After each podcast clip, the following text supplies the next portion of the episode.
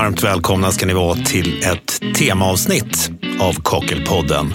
Och eh, det handlar om försäkringar, det är temat. Försäkringar är ju oerhört viktiga. Vi vet det när det gäller vår privata tillvaro med hem, bil och livförsäkring med mera.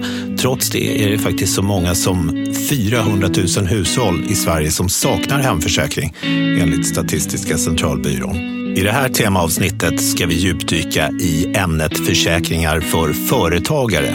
Vi ska få svar på varför de behövs inom plattsättaryrket, varför man behöver hålla dem uppdaterade, om det finns några medlemsförmåner som är viktiga att känna till och så vidare. Dessutom så ska vi få insyn i några vanliga typiska skador samt få tips och råd på hur vi kan undvika dessa. Säger varmt välkomna till vår expertpanel. Lili Merild, Johan Rönning, Ralf Girard och jag som leder samtalet heter Marcus Trautman. Jag tänkte att vi börjar så att vi går varvet runt så kan ni själva berätta lite kort vilka ni är, vad ni jobbar och vad ni har för roll. Lili Merrill heter jag då och jag är eh, ansvarig eh, förmedlare, eller då kundansvarig för Byggkeramikrådets medlemsförsäkringar. Och jag jobbar på Willis Towers Watson, numera förkortat till VTV. Okej, okay, det är lite enklare. Ja. Eh, och det är bland annat vi då som har hand om den här försäkringsservicen som medlemmar hos BKR kan utnyttja. Mm. Ja, och Johan Rönning heter jag, representerar Gensidiga här idag. Försäkringen då så är placerad hos oss och det är vi som sköter skaderegleringen. Och jag sitter då i en grupp som hanterar entreprenadskador, det vill säga skador under entreprenadförsäkringen, ansvarsskador, skador under ansvarsförsäkringen samt rättsskydd eh, och eh, storskador också för den delen. Mycket skador får du vara med om varje dag då? Det är en del av vardagen. Ja. Och så har vi Ralf Gerard. Mm. Du är känd nu mer i Kockelpodden. Ja, precis. Nu sitter vi här igen och spelar in ytterligare ett temaavsnitt, vilket bara är jätteroligt. Varför ska vi djupdyka just försäkringar? Vad är anledningen till det? Jag kan börja säga så här. Då. Vi har ju, under det här året så har vi bytt namn faktiskt, eller under det senaste året, från Pers medlemsförsäkringar till BKRs medlemsförsäkringar. Så att är man platssättare och eh, ansluten till oss så kan man nu teckna de här BKR-försäkringarna som den heter. Eh, det är den ena saken. Den andra saken är att vi har ett par stycken som faktiskt är eh, helt unika för vår bransch. De är exklusivt framtagna till, till vår bransch och till platssättare. Mm. Jag tror att vi kommer föra lite mer om dem lite längre fram här snart. Ja, men jag är nyfiken på vad som gör de här försäkringarna unika. Mm. Men eh, vi får hålla lite på det. Om vi startar Lili med grundfrågan. Varför behöver man som platssättare eller entreprenör en försäkring? Eh, ja, i mångt så mycket så är det ju en ekonomisk trygghet för sitt företag. Ehm, ibland så kan man ju vara enmansföretagare och då blir ju liksom en, en ekonomisk skada eller förlust på något sätt. Eh, det drabbar ju ganska hårt en själv. Och det kan ju även vara om man har ett större företag så kan det vara större skador som det handlar om. Och förutom den ekonomiska tryggheten så krävs det idag ganska många av de här standardentreprenadavtalen som man skriver så är det ett krav att entreprenören ska ha en ansvarsförsäkring. Så det är en av anledningarna. Mm. Finns det några fler anledningar? Då? Det skapar också en ganska mycket, eller så hög seriositet hos entreprenören. Om du liksom har en beställare eh, så brukar de oftast fråga, kan du uppvisa försäkringsbevis? För det blir också en trygghet för beställaren. Att veta då att ja, det är inte bara den här entreprenören som ska betala ur sin egen ficka om det blir en skada, utan det finns ett försäkringsbolag bakom det hela. Mm. Och jag tänker att det är bra även alltså, oavsett om, om man gör ett arbete hos en privatperson eller ett företag, att man har den här tryggheten. Ja, precis. Mm. Och jag tror nästan att det är än mer vanligt att om man som privatperson anlitar en entreprenör, då, kanske, då är det mer ens liksom privatekonomi som skulle drabbas om det är någonting som går fel. Eh, då vill man ju verkligen veta att entreprenören är försäkrad. Plånboksfrågor brukar ju vara en drivkraft för oss vanliga konsumenter. Eh, jag tänker så här, räcker det att företaget man jobbar på när man är platssättare är försäkrade eller behöver man som platssättare ha en egen försäkring? Det beror lite på. Egentligen, alltså den här ansvarsförsäkringen som jag pratar om, som är den generellt viktigaste, den räcker att bara själva företaget, alltså den juridiska personen, tecknar. Och då gäller den även då för det arbetet som dina anställda utför på arbetsområde och det täcks även för ditt eventuella kontor eller dina verktyg som omfattas av den här försäkringen. Sen så kan du också ha en sjukvårdsförsäkring eller en sjukförsäkring för dig som personal. Och det är ju någonting som antingen du kan teckna själv eller så kan ditt eh, företag då teckna det för alla anställda. Och en sån medlemsförsäkring eller en förmånlig sjukvårdsförsäkring finns då att teckna genom BKRs medlemsförsäkringar. Det känns som att det här är en viktig fråga när man som platssättare söker jobb och börjar någonstans. Att man har koll på de här delarna. Ja, det skulle jag nog säga att det är. Finns det någon sån här checklista eller något som man kan stämma av att man har, har rätt försäkringar när man tar ett jobb? Ja, om du ska liksom gå in i en anställning hos en entreprenör så kan du ju fråga bara, var har ni försäkringen för företaget. Och har de det så omfattar ju det din anställning. Sen är det ju en annan typ av försäkring, den som gäller dig som personal, som är kollektivavtalsgrundade försäkringar. Och de har inte vi hand om då hos BKRs eh, försäkringsservice. Nej. Men de finns oftast i, kopplade till olika kollektivavtal som man skriver just för personalen. Ja, men det gäller att ha koll på försäkringar. Det är en sak som är säker. Johan, hur vanligt är det att man inte har någon försäkring som företagare? Från ett försäkringsbolagshåll så är det svårt att svara på. Ofta de eh, vi får till oss har någon form av engagemang hos oss eller har haft. Så att just hur många som inte har där ute och ändå utför arbeten, det vet jag inte. Men en viktig aspekt tror jag som tangerar på den frågan är att eh, vi får in en hel del skadeanmälningar där vi märker att våra försäkringstagare är underförsäkrade, vilket kan vara nog så illa. Okay. Eh, och med underförsäkring menas att du ja, har en eh, försäkringsprodukt som inte är helt anpassad till din typ av verksamhet. Det kan vara pandemiår, det har gått bra.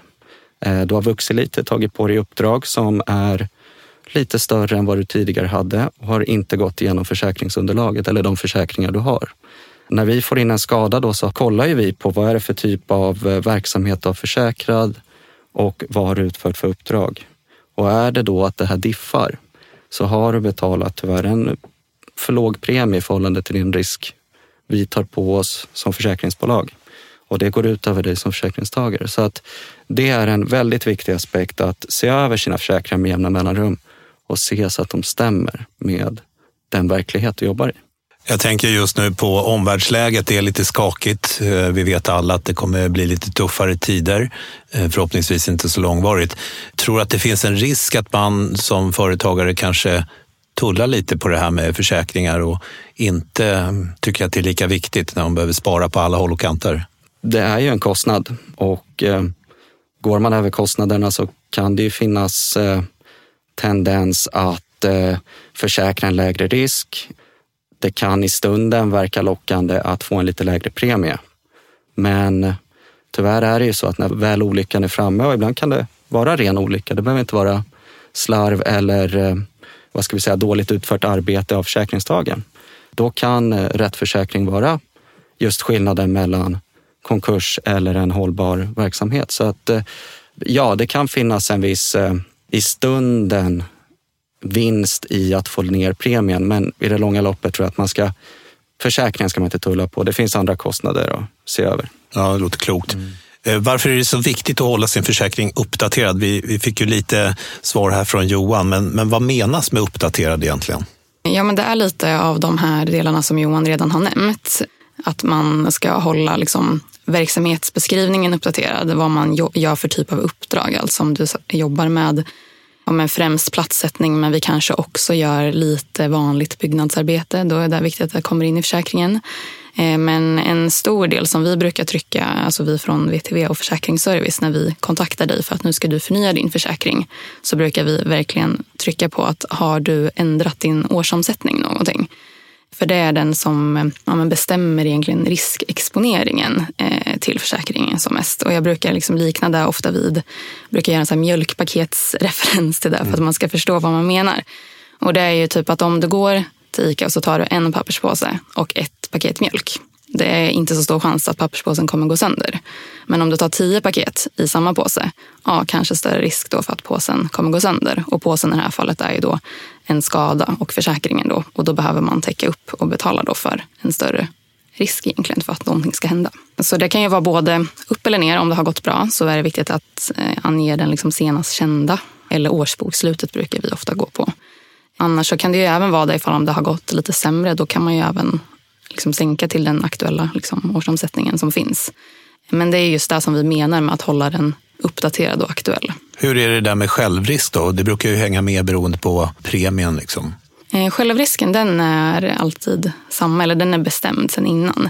Och i nuläget, om vi skulle säga just för den medlemsförsäkringen som BKR-medlemmar har möjlighet att teckna på företag, då är den 0,2 av ett prisbasbelopp. Så den är alltid samma, även ifall om du anger en högre årsomsättning. Mm.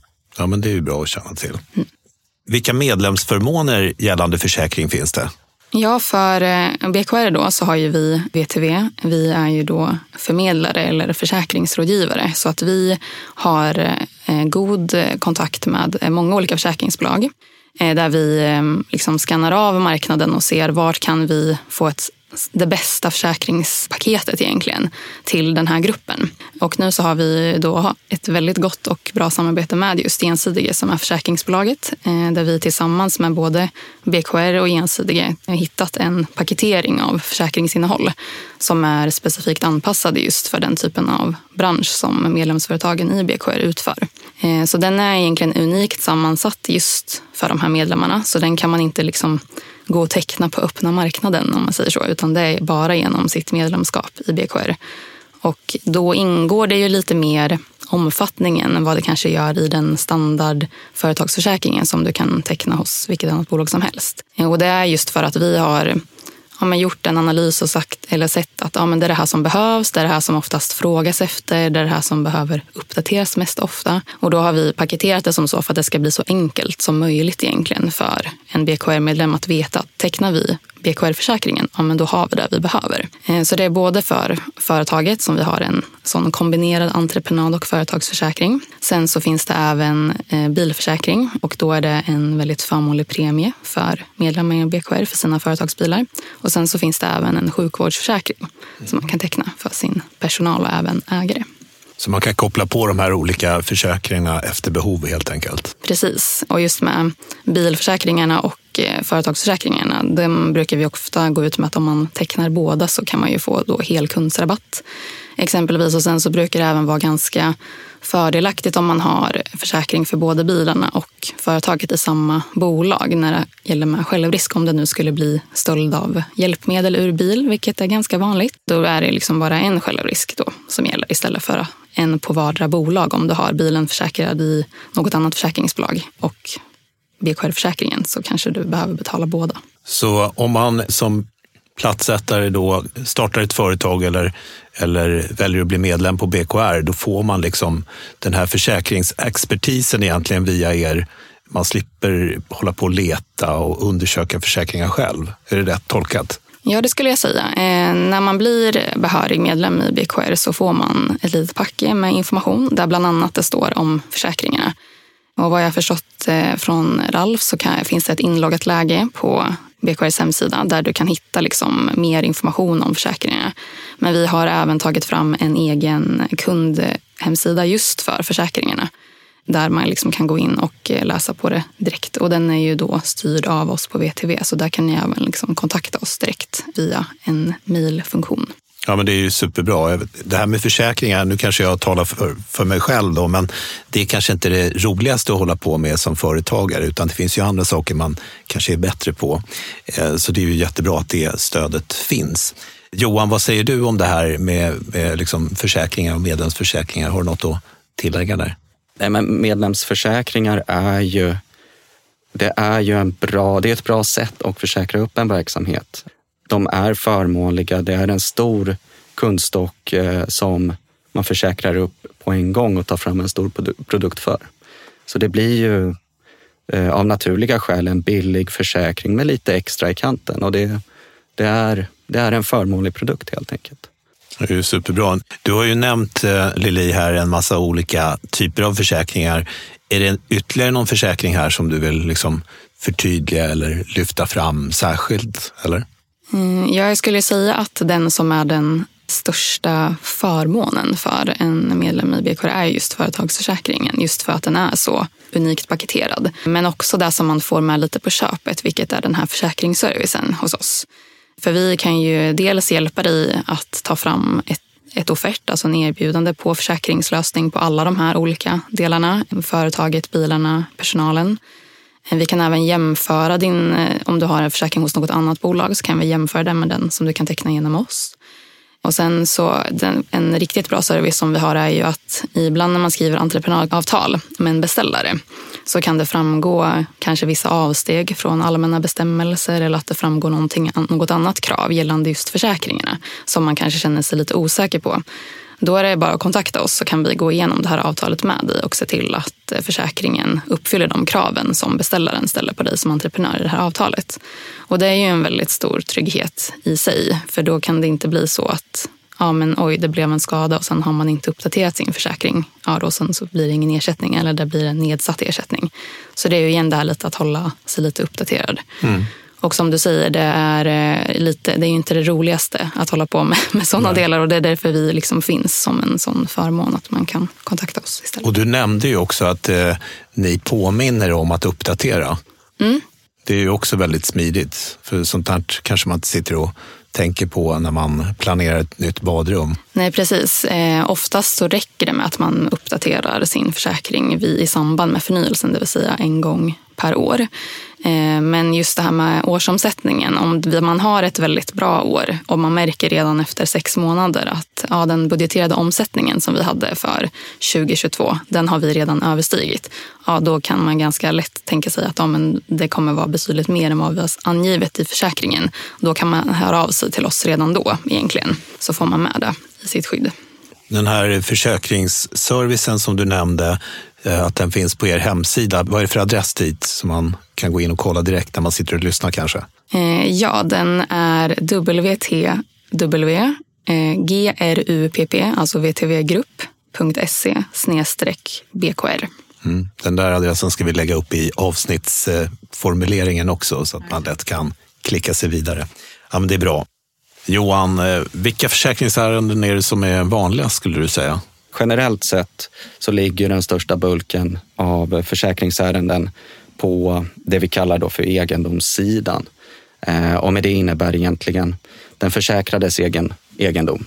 Bilar, den eh, lokal du bedriver verksamheten i, maskinpark, vagnpark och dylikt. Hos oss då på ansvar och eh, entreprenad så och som kan vara lite mer diffusare och ofta kanske lite kostsammare så ser vi ju hos BKRs medlemmar så nej, det är en klar det är, vatten, det är vattenskador helt enkelt. Och det är ofta det som också är krångligt och dyrt och där vi som försäkringsbolag kan vara väldigt behjälpliga och lägga upp tågordningen, förhandla mellan parter och peka på att rätt part gör rätt sak i rätt tid. Men eh, vattenskador är det som vi ser mest av och det är väl ganska naturligt. Många av uppdragen, entreprenaderna handlar om badrum, det handlar om koppla på rör, koppla på avlopp, rördragning. Ehm, och vattenskador är ganska vanligt förekommande och det kan bli snabbt, eh, skadeomfattningen kan snabbt bli stor. Vad skulle du säga, är det vattenskadorna, är det skador som dyker upp under själva entreprenaden eller är det någonting som dyker upp ett par år efteråt? Eller hur, hur brukar det se ut? Vad är vanligast? Liksom? Under själva entreprenaden är ganska vanligt, men de är inte så svåra att eh, hantera. Du har ofta flera entreprenörer på plats och du har en etablering på plats som kan ta hand om skadan ganska kostnadseffektivt. Alla parter är redan där och etablerade så att där handlar det mest bara om att peka ut eh, tågordningen för att, att folk gör det de ska göra. Det är ganska vanligt att någonting brister eller visar sig ett par veckor, ett par månader efter avlämnad entreprenad. Och det är väl ganska naturligt. Det är någon, något moment som inte har gått helt enligt plan, någonting som har gjorts lite halvt och eh, det klarar en provtryckning, det klarar eh, en besiktning. Men efter en månad, ett par månader då håller det inte längre. Och det är ofta då det brukar bli ganska stora skador också. Och det märks ju först av de boende kanske när det har redan tagit sig igenom ett par skikt. Nej, det brukar, det brukar vara ganska tätt in på avslutat arbete. Det är ganska ovanligt att vi har skador som börjar ta sig in i det man kallar då typ ansvarstid, alltså det vill säga att vi är sju, åtta år efter avlämnad entreprenad. Det, det är ytterst ovanligt. Mm. Utan det, det är ganska tajt på avslutad entreprenad. Kan inte du kort beskriva försäkringsskyddet som man har i sin försäkring? Mm. Dels så har vi ju nämnde egendomssegmentet och det tror jag inte behöver så mycket mer förklaring och det är väl därför jag sitter här som inte är från egendom så att säga. Men där, där är det ju ofta, har du en bil försäkrad, då är det ju bilen som är försäkrad. Det som kan bli lite krångligare det är ju de produkter som vi sitter med och det är ju då ansvarsförsäkringen bland annat. Och så är det det vi kallar entreprenadförsäkring. Och så har vi till det då det vi kallar entreprenadansvar. Och så rättsskyddet då, eller ja, rättsskyddsförsäkringen också. Och för att lite kort då gå igenom dem och på ett enkelt sätt försöka måla vad de är tänkta att täcka. Så om vi börjar i entreprenadförsäkringen mm. så är den det försäkrade objektet, alltså tänk dig bil i bilförsäkring. Så det försäkrade objektet i en entreprenadförsäkring är dina kontraktuella åtaganden. Och med det menar vi det arbete du ska utföra. Så har du en plattsättningsentreprenad, alltså ett badrum, då är det plattsättningen som är försäkringsobjektet. Så uppstår det skador på själva plattsättningen. Det kan vara en eh, sidoentreprenör på ett bygge som av någon anledning har orsakat en kedjereaktion så att eh, den där plattsättningen du har uppfört, den är inte längre i gott skick. Och då har du ju ett ansvar gentemot din beställare om entreprenaden inte är avlämnad att åtgärda det här, oavsett vems felet är. Okay. Och det får du göra. Har du inte en entreprenadförsäkring så får du göra det på egen bekostnad och sen söka ersättning av den du anser ska hållas ansvarig. Har du en entreprenadförsäkring, då kan ju vi kliva in och ersätta det här och sen så försöker vi ersättning från den som är ansvarig. Så det, det är entreprenadförsäkringen. Okay. Ansvarsförsäkringen då, som eh, kanske blir den så att säga mest diffusa försäkringen, så omfattar ju skadeståndskrav egentligen till följd av person och sakskada. Och i BKRs fall så är det främst sakskador då, som åsamkats då en tredje part och som har då ett krav mot dig. Och det kan ju i princip vara vad som helst. Men det ska ju då vara någonting som har vållats inom ramen för den här försäkrade verksamheten. Och det är där vi knyter an lite till det här vi var inne på tidigare med vikten av omsättning och eh, att du har korrekt eh, verksamhet försäkrad. Mm. Att eh, är det inte inom ramen för den försäkrade verksamheten, ja, då kommer vi som försäkringsbolag också antingen göra nedsättningar eller helt backa ur den situationen. Men ansvarsförsäkringen, det är skadeståndskrav i princip mot dig. Mm. Men vad skulle du säga, vad är den stora skillnaden där på entreprenadansvar kontra ansvarsförsäkring? då? Entreprenadansvaret är en tilläggsförsäkring till ansvarsförsäkringen. Så ansvarsförsäkringen undantar vissa typer av skadeorsaker. Bland annat den mest vad ska vi säga, prominenta i, i entreprenadansvarsförsäkringen är det man kallar för miljöansvar eller ansvar som egentligen grundar sig på miljöbalksregler. Typexemplet är pålning, sprängning på en fastighet som orsakar skador på närliggande fastighet. Mm. Det är undantaget den grundskyddet i ansvarsförsäkringen. Och då lägger man på det här entreprenadansvaret för att ha skydd för det. Mm. Så entreprenadansvaret är en tilläggsförsäkring till ansvarsförsäkringen som har just med vissa typer av eh, liksom skadeorsaker att göra. Och eh, miljöansvaret så vet jag inte hur relevant det är för BKRs medlemmar. Så nu tog jag det som exempel för att det är det mest prominenta så att säga. Mm. Men det finns också lite andra typer av ansvar i den, det tillägget som, som läggs till. Då. Så det, det, ska man ha mm. helt enkelt. Ja, det låter ju som att man vill ju inte snåla med det där om det händer Nej. någonting. Eh, och det här med rättsskyddsförsäkring nämnde du. Hur, hur fungerar det vid en tvist till exempel? Du har kanske ett, en skada som du har fått ett krav kring. Du vill söka ersättning av en beställare som inte betalar räkningarna eller fakturorna. Och då har du ju inget direkt försäkringsskydd för det i en ansvars eller entreprenadförsäkring. Och den hjälp då försäkringen kan bidra med, det är ju den här kostnadshjälpen ifall du behöver anlita ett ombud för att driva den här tvisten eller driva det här kravet om ersättning från en beställare till exempel. Mm. Så att eh, rättsskyddsförsäkringen är en kostnadshjälp när du behöver anlita ett ombud för att driva en viss tvist. Mm. Vi lägger oss inte i tvisten. Vi ersätter egentligen inget skadeståndskrav till följd av en sån tvist, för då har vi på något sätt redan klivit ur ansvarsförsäkringen. Mm. Utan det är en ren kostnadshjälp för det här ombudet. Mm. Eh, jag känner ju spontant att skulle jag vara plattsättare då skulle jag ju vilja ha ditt telefonnummer så jag bara kan ringa dig och reda ut vissa saker. Det är superbra förklarat där tycker jag. Eh, jag skulle vilja lägga till en viktig del gällande rättsskyddet. Eh, någonting som man kanske inte tänker på så ofta. Det är att rättsskyddsförsäkringar, för att kunna få hjälp med sådana här typer av tvister så finns det en karens på två år. Det vill säga att det är viktigt att du har ett försäkringsskydd som gäller sömlöst, det vill säga att det inte har varit några avbrott.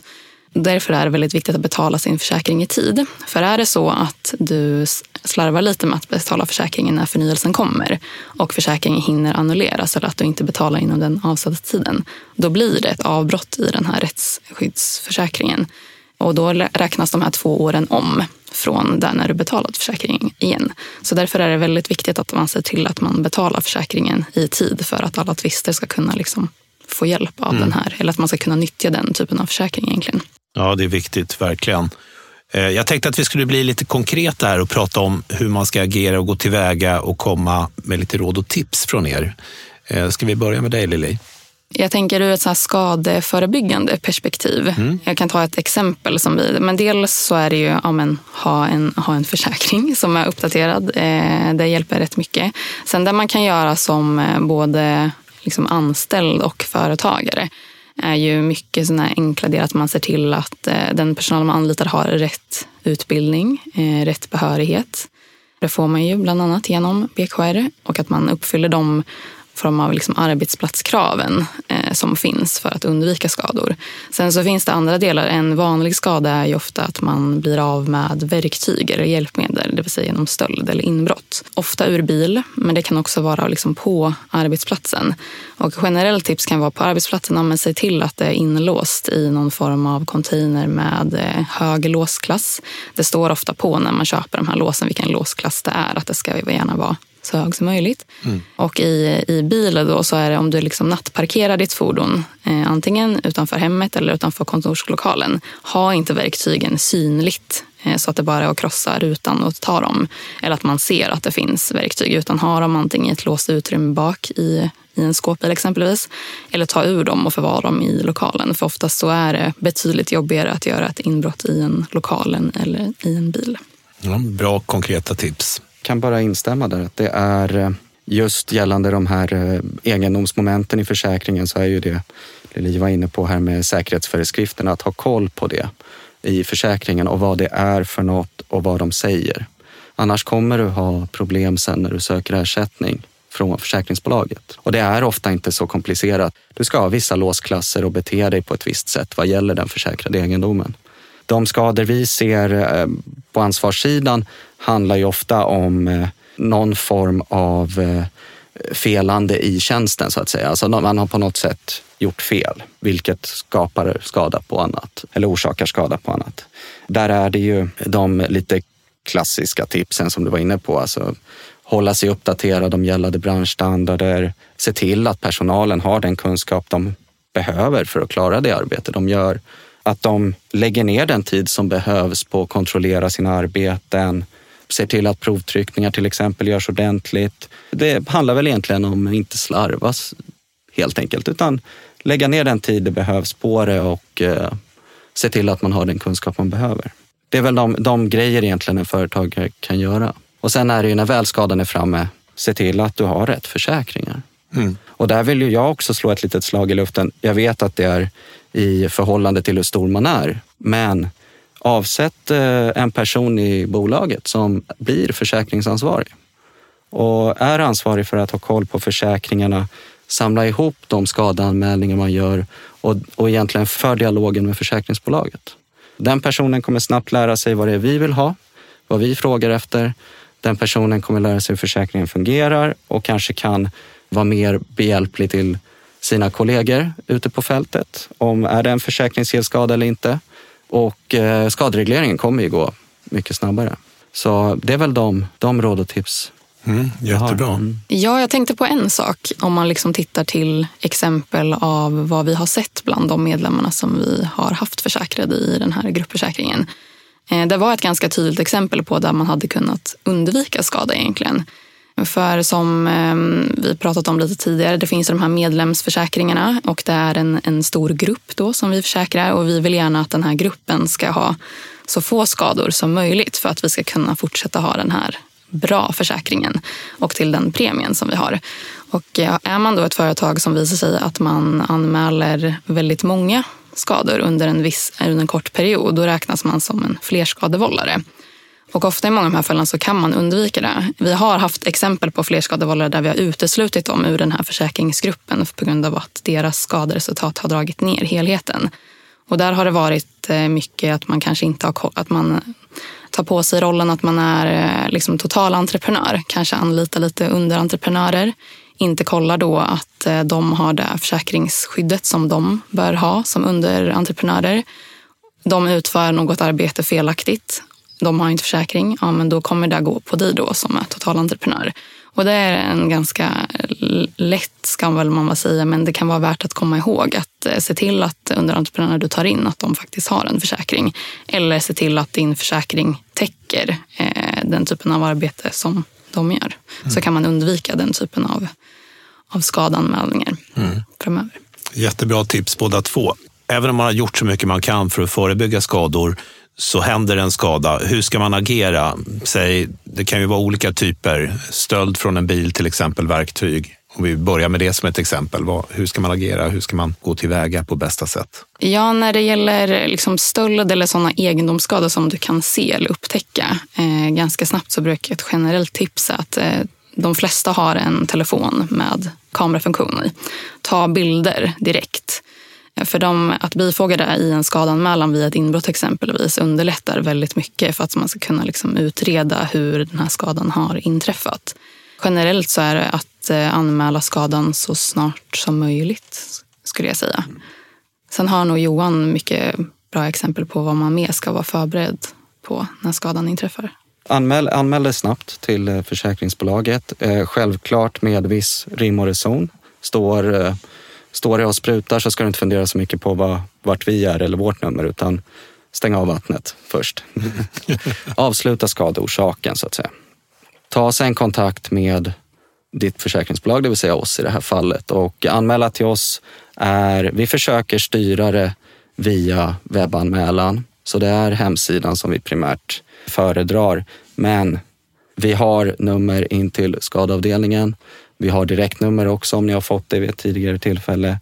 Så det är bara att slå en signal och så försöker vi ta det därifrån. De skador som hamnar hos oss är lite kluriga att initialt peka på vart vi ska någonstans, vilken tågordning som gäller. Så att eh, det är bra att koppla in oss. Ofta har man beställare, du kanske har en fastighetsägare, du till och med du har ett par boenden som är drabbade. Alla står och skriker på alla. Ingen vill, vet riktigt vad de ska göra. Så där är det viktigt att hålla huvudet kallt och eh, söka råd hos, eh, hos din försäkringsgivare och det är ju ändå den tjänst ni har köpt av oss. Mm.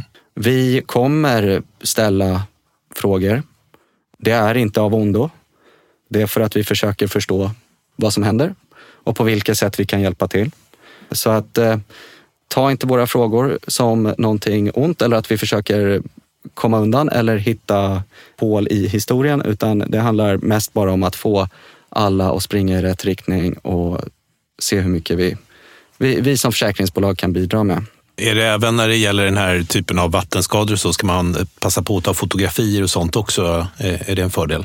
Det är en fördel. Ehm, dokumentera så mycket som möjligt. Det brukar fås till stånd någon form av fuktbesiktning, fuktutredning ganska snabbt. Jag skulle säga Fotografera, ja. Det är inte lika akut som i fall av inbrott och stöld och sånt här där du gärna vill se, få någon form av eh, bildbevis direkt på vad som har hänt och hur det ser ut och vad de har brutit upp och dylikt. Mm. Eh, dokumentera är ju aldrig ofördelaktigt så att säga. Mm. Så att eh, har man tid att ta lite bilder och ge någon form av teori på vad som har hänt och inte hänt, jättebra. Mm.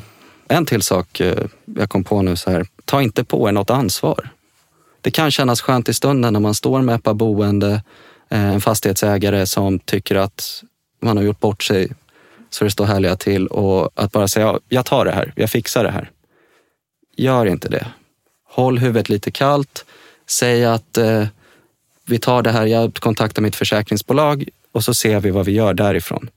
Det är ett gott tips att ta med sig för att vi får ibland ärenden där vi får backa på, man har sagt lite för mycket i det här initiala heta skedet. Tagit på sig lite mer än vad man kanske borde. Och eh, det blir lite klurigt och eh, backa på det. Det måste vi tyvärr göra ibland och det går ju, men det är enklare att hålla huvudet kallt inledningsvis och så tar vi det därifrån sen. Mm. Så att man kan gå till grunden med vad som faktiskt har hänt. Då. Exakt. Mm. Ja, väldigt bra, klok input. Jag tänkte att vi ska ta och knyta ihop säcken och summera. Vad är det viktigaste som ni vill skicka med till våra lyssnare där ute? Eh, om jag börjar då så skulle jag säga att eh, ni har de här fantastiska medlemsförsäkringarna som är anpassade just för er verksamhet. Så det är eh, jättekul ifall om ni vill liksom ta kontakt med oss och utvärdera det så hjälper vi er på vägen hur ni byter försäkringsbolag, hur ni tecknar nya försäkringar och så. där. Så att gör vi det enkelt för er så behöver ni inte tänka så mycket på det sen. Härligt, enkelhet, det gillar vi. Nej, jag skulle säga, oh, gå igenom försäkringarna ett par gånger per år, lägg det i rutin, se så att de stämmer, ge oss verktygen att hjälpa er så att säga. Strålande. Raffe, vill du lägga till någonting där? Det här är väl ett av de få ämnena där jag inte har så mycket att lägga till. Men eh, jag, jag, tänker så här att om jag som lyssnare har lyssnat på det här avsnittet nu så skulle jag verkligen ta tillfället i akt och kanske byta försäkring, i alla fall lyssna och se vad det är för, för skillnad och så. Uppenbarligen så kanske man tror att man tänker på saker som man kanske egentligen inte gör. Eh, det här med att se till att försäkringarna uppdaterade sin årsomsättning och så vidare. Så att man har lite koll på det och följ de råden.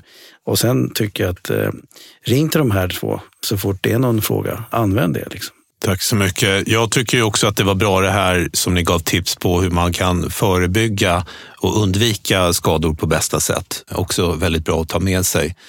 Jag skulle också vilja ha några konkreta adresser. Om man vill veta mer om det här nu, vad ska man vända sig? Om man vill prata om försäkringar, läsa på om försäkringar, vad, vad ska man titta eller höra av sig?